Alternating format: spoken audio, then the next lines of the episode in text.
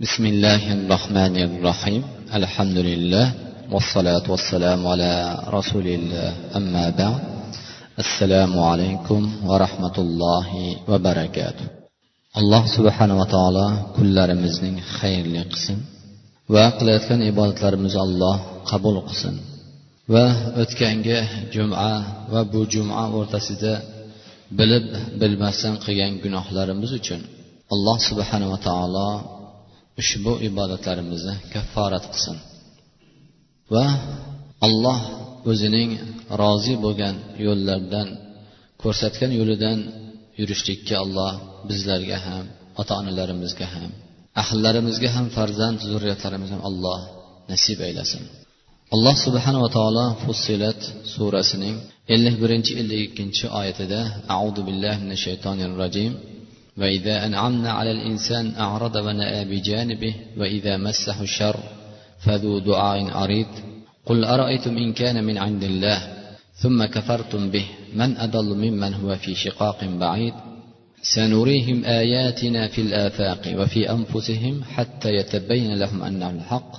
أولم يكفي بربك أنه على كل شيء شهيد؟ آيات كلمة سده demak alloh subhanava taolo butun insonlarni bashariyatni jamiki yer yuzidagi insonlarni holatini alloh subhana taolo sifatladi. Insoniyatga agar biz mol dunyo bersak bir sharaf bo'lgan mol dunyoni beradigan bo'lsak u aroda bizdan yuz o'giradi. Ya'ni bergan ne'matning bergan zotni esdan chiqarib qo'yadi. Insonning qo'liga mol dunyo kelishligi bilan bu ne'matni bergan zotni haqqini va bergan zotni esdan chiqarib qo'yadi. Xuddi hech ham u odam kambag'al bo'lmagan hech ham bu odam mashaqqatda tug'ilmagan. Shu azaliy dunyo kelganku kelganu shu dunyoni ichida mol dunyoni ichida g'arq bo'lib hamma narsa yetarli bo'lgandek butun o'tmishini esdan chiqarib qo'yadi. Ya'ni o'zini yo'lida davom etadi. O'zini yo'li o'sha shahvatiga nafsi xohlagan yo'lda yoki bo'lmasa shayton ziynatlab qo'ygan chiroyli yo'llarda davom etadi. Qo'liga mol dunyo kelishligi bilan. Lekin kechagi kunini kambag'alligini qashshoqligini yoki bir so'm pul uchun muhtoj ekan kunlarini esdan chiqarib qo'yadi. Agar biz insoniyatga mol dunyo bersak. Haqiqatan ham bu dinimizni birodarlar voqe din. Osmonni ustidagi yerni tagidagi narsa emas balkim yerni ustidagi insoniyatni yurib turgan hayot bo'lib turgan insonlarning saodati uchun tushirilgan din. Demak biz bu insonga va ne'matlantirsak kecha ertangi kunimga nima qilar ekanman nima olar ekanman qachon bu uy olar ekanman moshina olamanmikan men ham bir imorat qilamanmikan yo o'g'limni yo qizimni uylab joylaymanmikan deb orzu qilib yurgan holatida alloh subhana taolo mol dunyo bersa bu orzularni esdan chiqarib qo'yadi. Bu esdan chiqarishligi bergan zotni esdan chiqarib qo'yadi. Iye men kecha ahvolim qanaqa edi? Bugun olloh menga qandoq ne'matlarni berdi? Buni ollohim berdi. Robbim berdi. Endi bu narsani men robbim rozi bo'ladigan yo'lga sarf qilay degan narsani esdan chiqarib qo'yadi dedilar. Agar kambag'allik boshiga kelsa bir kulfat kelib qolsa uzundan uzoq duo qiladi. Kechalari o'qilmagan namozlar o'qiladi. Kirilmagan masjidlar kiriladi. Berilmagan sadaqotlar beriladi. Va juda o'zining haqir ekanligini bir nihoyatda bir ojiz ekanligini kambag'allik va boshiga kulfat kelganda inson his qiladi birodarlar. Bu narsa bo'lmagungacha agar mol dunyo qo'lida kelsa hamma narsani qilishlikka qodir ekanligini aytgani aytgan deydigan degani degan deydi holatda ekanligini his qiladi. Lekin boshiga alloh subhanava taolo qodir bo'lgan zot boshiga bir kulfat soladigan bo'lsa kambag'allik keladigan bo'lsa o'zini ojiz ekanligini yaratuvchi zot bor ekanligini bu kulfatdan xalos qiladigan bu kambag'allikdan chiqaradigan zot faqat olloh ekanligini keyin his qiladi va uzundan uzoq duoyu iltijolarga o'tadi. Va duolarni olishlikka yugurib qoladi. Qul araytum in kana min indillah. Ayting ey muhammad u kofirlargaki mushriklarga xabar beringlar. Agar bu qur'oni karim ollohdan nozil bo'lgan qur'oni karimda sizlarchi agar bunga kofir bo'lsalaringiz va sizlar bu kufrda qur'oni karimning ollohni kalomi ekanligida kofirlikda davomiy mangu bir ixtilofli yo'lda yursalaringiz sizlardan ham ko'ra zalolatda zalolat bir halokat yo'lida uzoq bir uzundan uzoq zalolat halokat yo'lida ekanligidan sizlardan ham ko'ra inson bormi? Alloh subhanava taolo sanurihum ayatina. Biz oyatlarimizni ko'rsatamiz. Ya'ni oyat alomatlarimizni ko'rsatamiz. Alloh subhanava taolo o'zining qudratini dalolat qiladigan allohning haq ekanligini bildiradigan u zot har bir narsaga qodir zot ekanligini butun mulk egasi ekanligini alomatini va shunga dalolat qiladigan oyatlarni mo'jizalarni ko'rsatamiz. Toki ular sanurihim ayatini fil afaq osmonu yerlarda. Yerda bo'lsin osmonda bo'lsin suvda bo'lsin suvni ostida bo'lsin yerni tagida bo'lsin. Qayerda bo'lishidan qat'iy nazar biz ularga oyatlarimizni ko'rsatamiz. Sanurihim ayatina fil afaq va fi anfusihim va o'zlarida. Demak inson o'ziga qarasa insondan so'raydigan bo'lsangiz birodarlar agarki u iymonda bo'lmasa ham lekin o'zidan bir suhbatlashib o'tiradigan bo'lsangiz yaratuvchi zot bor ekanligini va o'zida sodir bo'layotgan narsalarni qandaydir bir zot boshqarib turishligiga iqror bo'ladi hamma. Shuning uchun ham alloh subhana taolo vafi anfusihim o'zlarida ham ko'rsatamiz dedi. Ya'ni har bir insonning o'zida ham allohning haq ekanligini u zotning mavjud ekanligini bildiradigan oyatlarni ko'rsatamiz dedi. Nima uchun?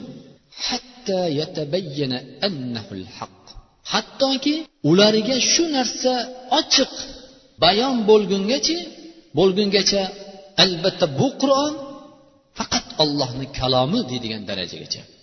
Bu qur'on faqat ollohni kalomi deydigan darajagacha biz ularga mana shunday oyatlarimizni bildirib boramiz ko'rsatib boramiz dedi. Shuning uchun ham payg'ambarimiz sollallohu alayhi vasallamni huzurlariga kofirlar mushriklar qarshi bo'lgan odamlar kelganda rasululloh sollallohu alayhi vasallam ularga allohni kalomidan oyatidan o'qib beradi. Shunda ular aytadilarki bu so'z muhammadni so'zi emas dedilar. Kofirlar o'zini elchisini yubordi payg'ambarimiz sallallohu alayhi vasallamni huzurlariga va u zot bu elchisiga kofirlarning mushriklarni elchisiga allohni kalomini o'qib bergandan keyin o'zini qavmiga qaytib keldida muhammadni o'z holiga qo'yinglar. Agar zafar topsa uning zafari bizni zafarimiz. Ya'ni u agar bir yutuqqa erishadigan bo'lsa uni yutug'i bizni yutug'imiz chunki biz ham arab qavmidan bizni qabilamizdan. Quraysh qabilasidan. Agar u halok bo'lsa o'zini o'zi halok qiladi. Qo'yinglar dedi. Shunda ular aytdiki seni ham muhammad sehrlabdi deb aytishdi. Nima uchun?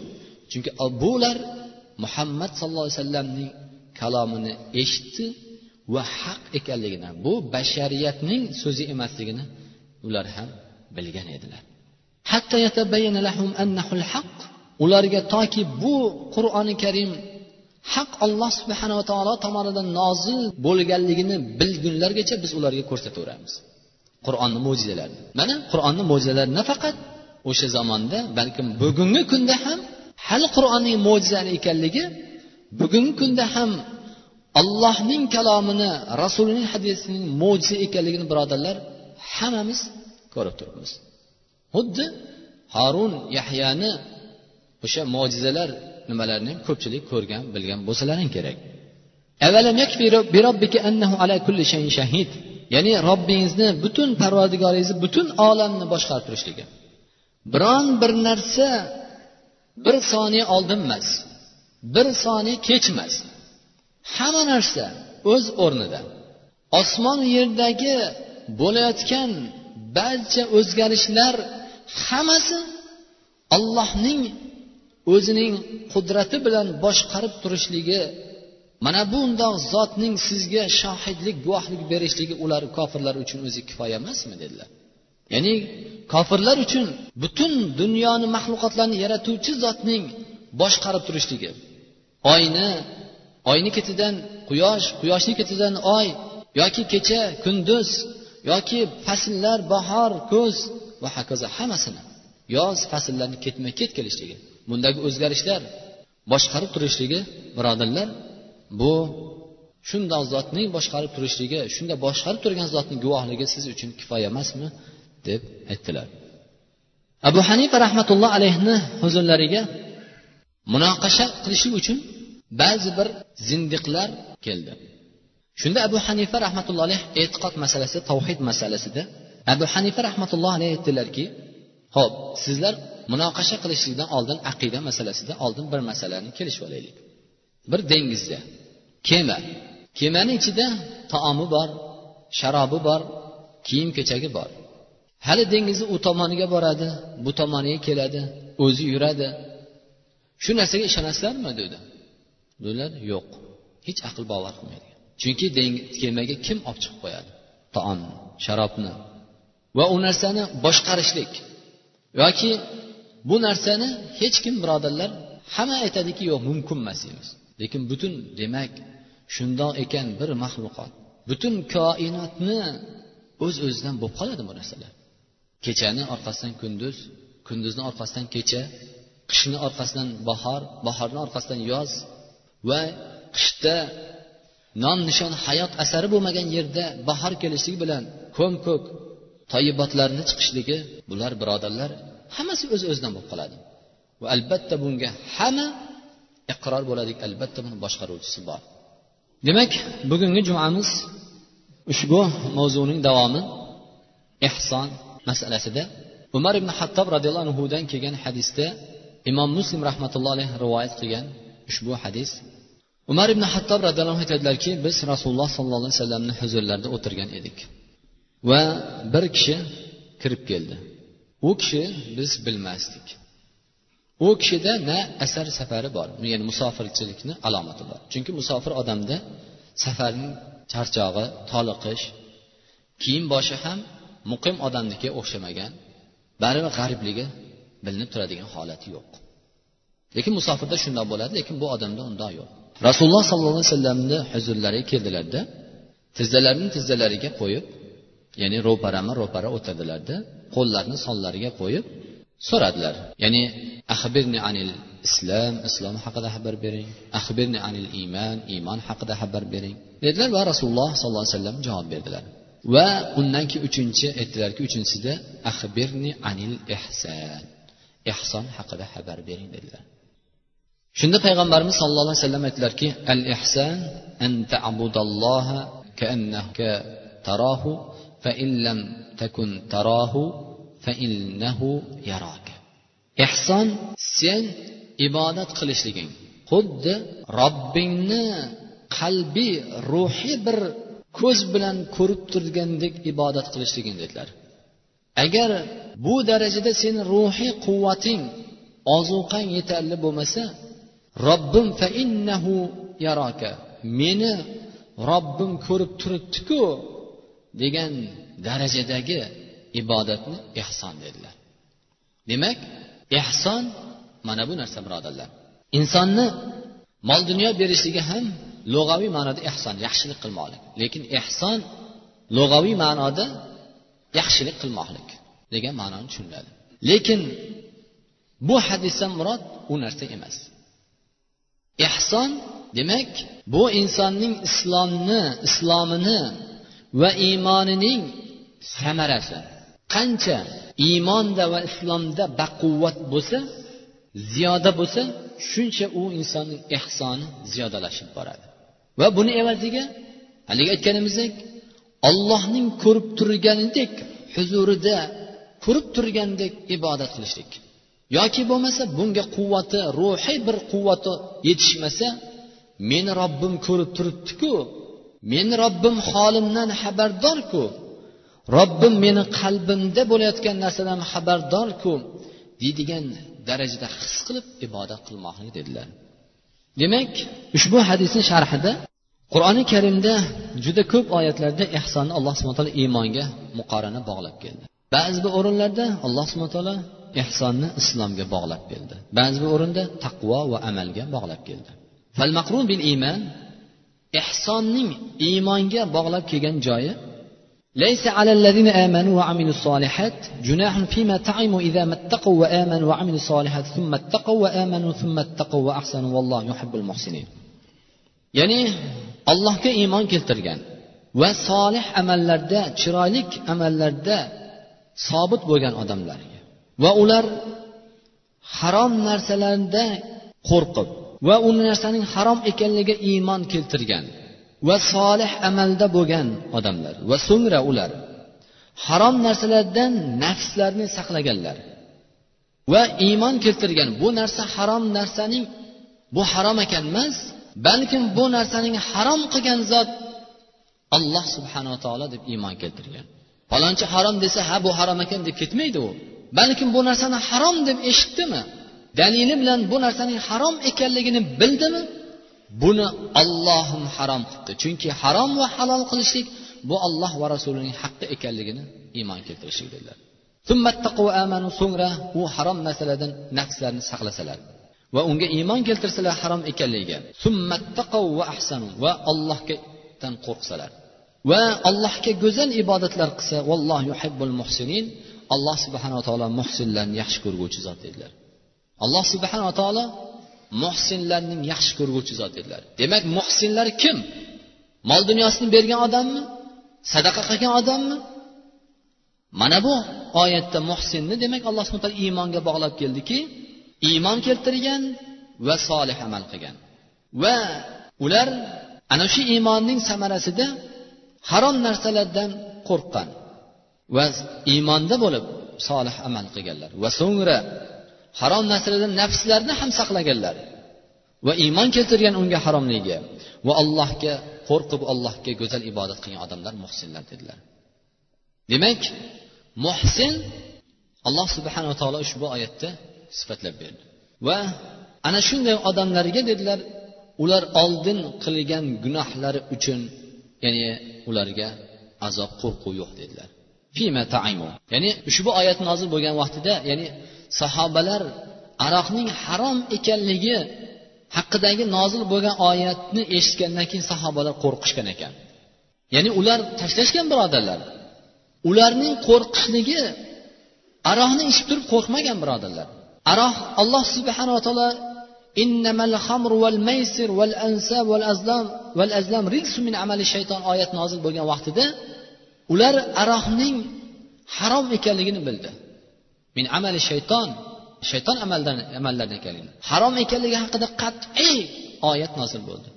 Shunda sahobalar hammasi qo'rqishdi. Nimadan? Bu qo'rqishligi ichib turib yoki nima emas ular tavba qildi. Harom ekanligini mutlaq bilgandan keyin ular tashlashdi. Hatto uylarida saqlab qo'ygan narsalar aroqlarni keyin ichib olib endi qancha buni mehnat qilgan edim qancha pulga sotib olgan edim keyin ichib olgandan keyin bir yaxshi tavba qilaman demadilar. Oqizib yubordi aroqlarni. Sindirib to'kib hammasini yo'qotdi. Lekin u narsalarni qo'rqitgan narsa bu aroqning harom ekanligini bilmasa harom ekanligi nozil bo'lmasdan oldin aroq ichib lekin iymonda islomda bo'lgan sahobalar birodarlari shu aroqni ichib ya'ni haromligini bilmasdan o'tib ketgan birodarlarni haqida tashvishda bo'ldilar ular. U birodarlarimiz ahvoli nima bo'lar ekan? Endi robbimizni huzurida borganda u birodarlarimiz nima qilar ekan? Bizku haromligini bildik. Ular haromligiga hukmini bilmasdan bu kunga yetmasdan o'lib ketdi ular. Aroq ichgan namoz o'qishgan. Chunki u vaqtida ularni qat'iy haromligi nozil bo'lmagan edi hukm. Shular haqida qayg'urishdi birodarlar. Biz tasavvur qilaylik bugun ahvolimizni. Bir birodarimizni kambag'alligi yoki qiynalganligi yoki boshqa holati. Muhtoj qarz so'rab keladigan bo'lsa pulimiz bo'ladigan bo'lsa birodarlar qaysi ahvoldamiz tirigiga o'tib ketganini qo'yavering birodarlar. Tirigiga hayot bo'lib turgan oldida bizga ko'zimizni oldida bizga yordamimizga muhtoj bo'lib turganda tirik bo'lib turgan birodarimizga qiladigan muomalamizu va sahobalarni o'tib ketgan birodarlari haqida qo'rquvlarini eslanglar. Va alloh subhana taolo kahf surasi albatta iymon keltirgan va solih amal qilgan odamlarni biz ularni qilgan amallarini yaxshi go'zal amallarini ajrini zoya qilmaymiz dedi alloh subhana taolo. Yo'qotmaymiz. Ya'ni alloh subhanava taolo kim yaxshi amal qilsa birodarlar savob amal qiladigan bo'lsa olloh inna la ajra man ahsana amala. Uni amalini boshqalar unutib yuborishi mumkin. Inson unutishi mumkin. Eri xotinni qilgan yaxshiligini unutishi mumkin yoki xotin ayol erini qilgan yaxshiligini unutishi mumkin. Lekin olloh biz unutmaymiz dedi bu yerdan demak ixlos qilinayotgan amalda xolislik kelib chiqadi. Olloh biz albatta biz ta'kidlab aytyapti. Albatta biz go'zal amal qilguvchilarni ajrini ularga beriladigan mukofotni biz zoya qilmaymiz. Ya'ni esdan chiqarmaymiz. Demak bu ehsonni islomga iymonga bog'lab kelgan val mahrum bil islam va boshqa bir oyatlarda ehsonning islomga bog'lanib kelishligi bala man aslam vajhahu lillah va huwa muhsin falahu ajruhu inda robbih albatta allohga xolis ibodat qilgan. Dinida xolis bo'lgan ibodatda xolis bo'lgan. Olloh rozi bo'ladigan ko'rsatgan yo'lda ibodat qilganlarni va muhsin u odam muhsinlik holatida bo'lsa demak xolislik holatida va dinida haqiqiy bo'ladigan bo'lsa ya'ni qilayotgan ibodatlari alloh rozi bo'lgan rasulni sunnatiga muvofiq bo'lsa ibodatlari namozlari niyatlari. Falahu ajruhu inda robbih u kishi uchun albatta robbisining huzurida ajr mukofot bor dedilar. Bu islomga bog'lab keldi kim allohga ibodatida allohning toatida amrida qoyim bo'lib o'zini taslim qilib xolislikda ado qiladigan bo'lsa albatta bu faqat robbisining qattiq ahdini albatta bu odam mustahkam ushlab. Allohning ahdi nima? Robbimizning allohning ahdi allohga ibodat qilgan. Alloh subhanava taolo kim agar menga ibodat qilsa shirk keltirmasa va mening toatimda bo'ladigan bo'lsa men olloh ahd berdiki bu bandasiga alla ahad bu bandasini hech qachon azoblamaslikka alloh taolo ahd berdi. Ya'ni bu islomga bog'lagan joyi val maqrum bit taqvo taqvoga bog'lanib kelgan joy ehson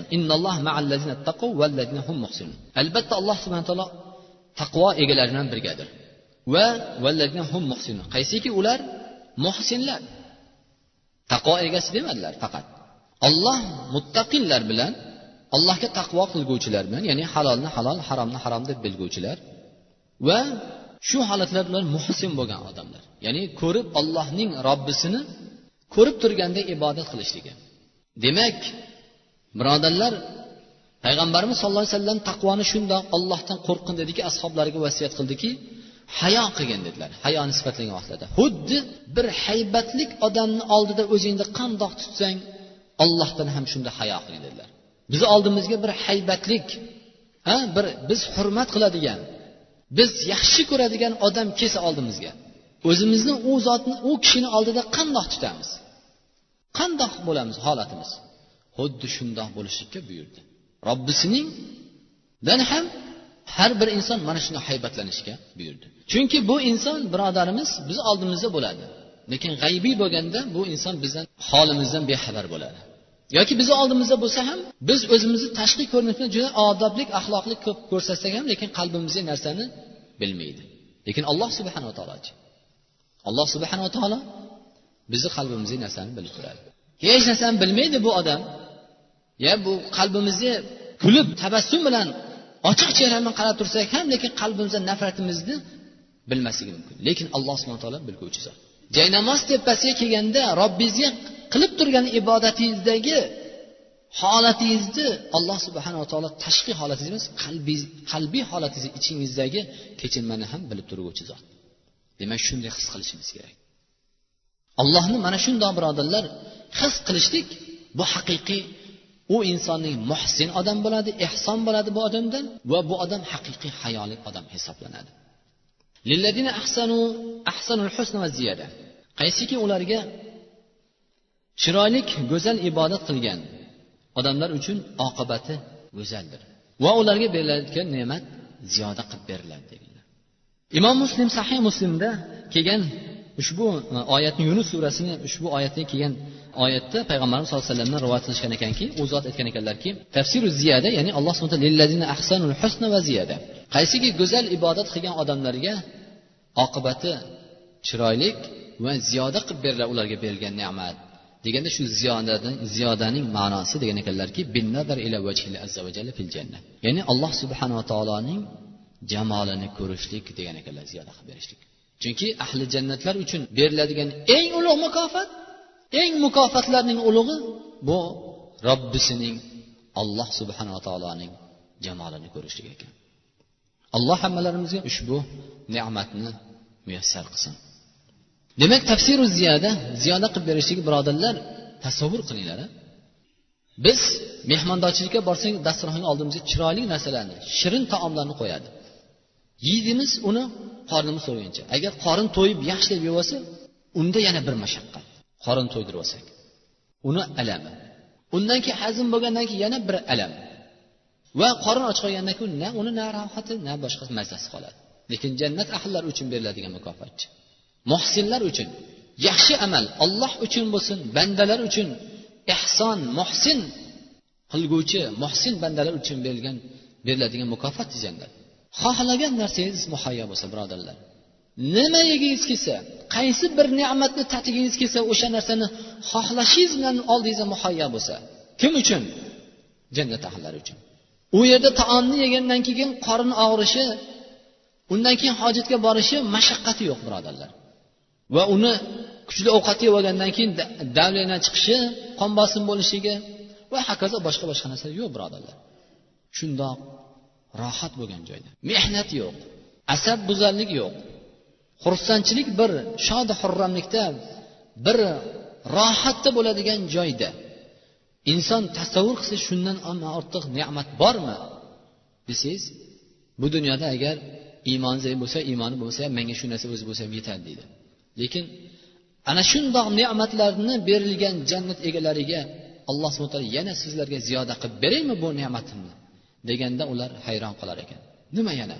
Bundan ortiq ham ne'mat ziyodasi bormi? deganda alloh subhana taolo o'zining yuzidan pardani olar ekan jamolini ahli jannat bandalariga ko'rsatar ekan. Mana bu ne'mat haqiqiy eng ulug' ne'mat jannat ahllari uchun eng ulug' ne'mat shu bo'lar ekan. Bu kimga? Bu ehson egalariga beriladigan munosib jazo mukofotdir.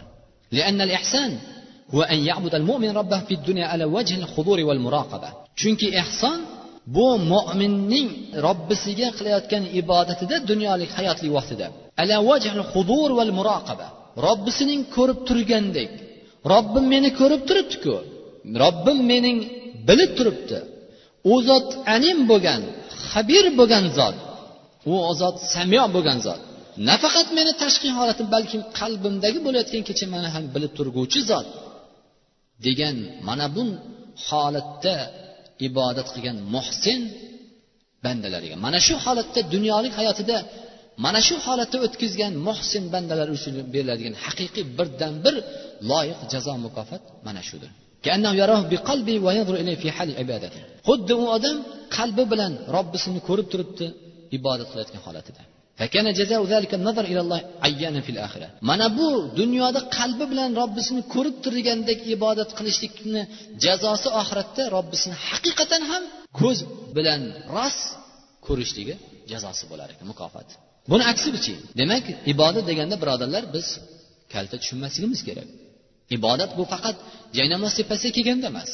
Yoki ibodat bu hajga borganda ramazonda emas birodarlar. Ibodat islom shu qadar keng oldiki birodarlar. Ibodat bir birodarimizga chiroyli talaqatul vajh. Ochiq bir tabassum bilan qarab qo'yishlikda ham ibodat dedi. Ochiq bir tabassum bilan birodarimizga xush muomalada bo'lishlikni ham dinimizda ibodat qildi birodarlar. Va aksi hada buni aksichi alloh subhana taolo xabar bergan anjazal kuffar fil axira kofirlarga beriladigan jazo innahum an robbihim yawma mahjubun. Albatta ular bu kunda robbisidan to'siladilar ular. Ya'ni robbisining jamolini ko'rishlikdan haqiqiy ne'matdan ular mahjubdirlar. Ya'ni hijobli to'silganlardirlar nima uchun? Bu jazo ularni dunyoda qilayotgan amallariga yarasha berilgan jazo. Chunki ular vahu ularning qalblarini robbisining ko'rishlik darajasiga yetishligiga qilgan qalblari to'silgan nima bilan? Ularning qalblariga xayrlik iymon nurining kirib kelishiga iymon rohatining kirib kelishligiga to'sgan narsa nima? Ular qilayotgan kasblari sababidan ya'ni so'zlaridan amallaridan gunoh amallari gunoh so'zlarni sababidan alloh subhanava taolo ularning qalblarini to'sib qo'yar ekan. Bu qalblarning to'sishligi haqni bilmaslik ko'ra olmasligidir. Va iymon nima ekanligini bilmasligi va halolni nima ekanligini va rohatning toatni nima ekanligini va rohatini bilmasligidan to'silib qolar ekan.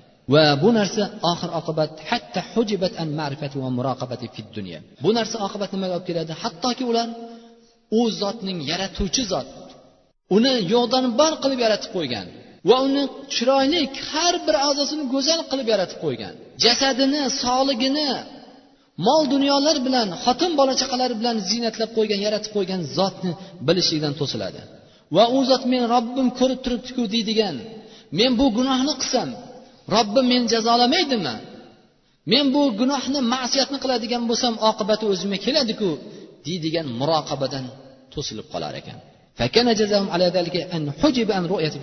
Va mana bu berilgan bu qilgan amallarning oqibati oxiratda robbisining jamolidan to'sishlikka sabab bo'lib qolar ekan.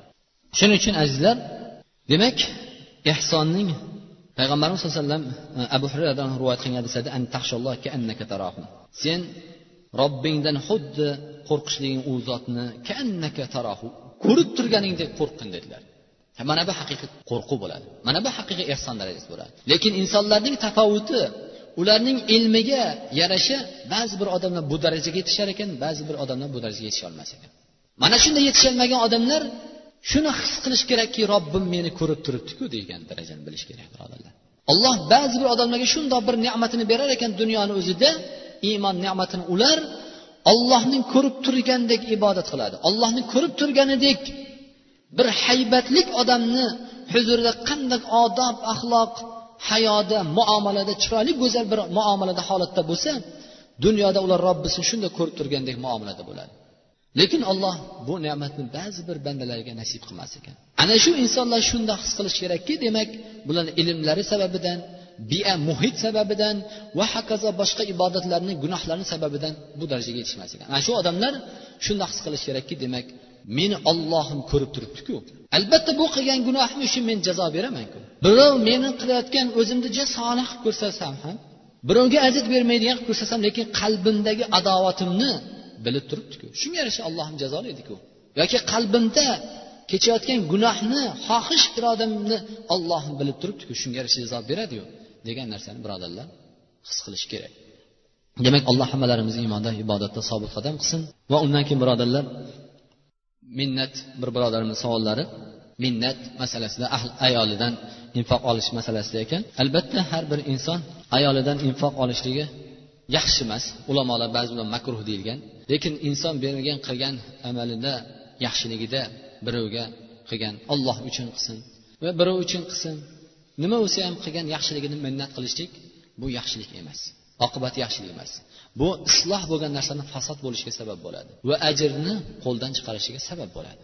Shuning uchun alloh subhana taolo bir bandasiga bir solih amalga tavfiq qilganligi alomati muvaffaqligi bu inson o'sha qilgan amalini yashirishligi solih amalni yashirishligi bu odamni alloh tomonidan yaxshi bir mukofotlanganligini solih amalga muvaffaq qilganlik alomati ekan va undan keyin inson qilgan amallarini ilojim boricha yashirish kerak. Solih amallarni. Va gunohni ham birov bilmasa alloh subhanava taolo ham qilgan gunohini odamlarga faxrlanishlikni oqibati ham yaxshilik olib kelmaydi. Chunki payg'ambarimiz sallallohu alayhi vasallam qiyomat kunida odamlar tog'dek tog'dek savoblar qiladi dunyoda lekin allohni huzuriga borganda u amallardan hech asar qolmaydi dedilar.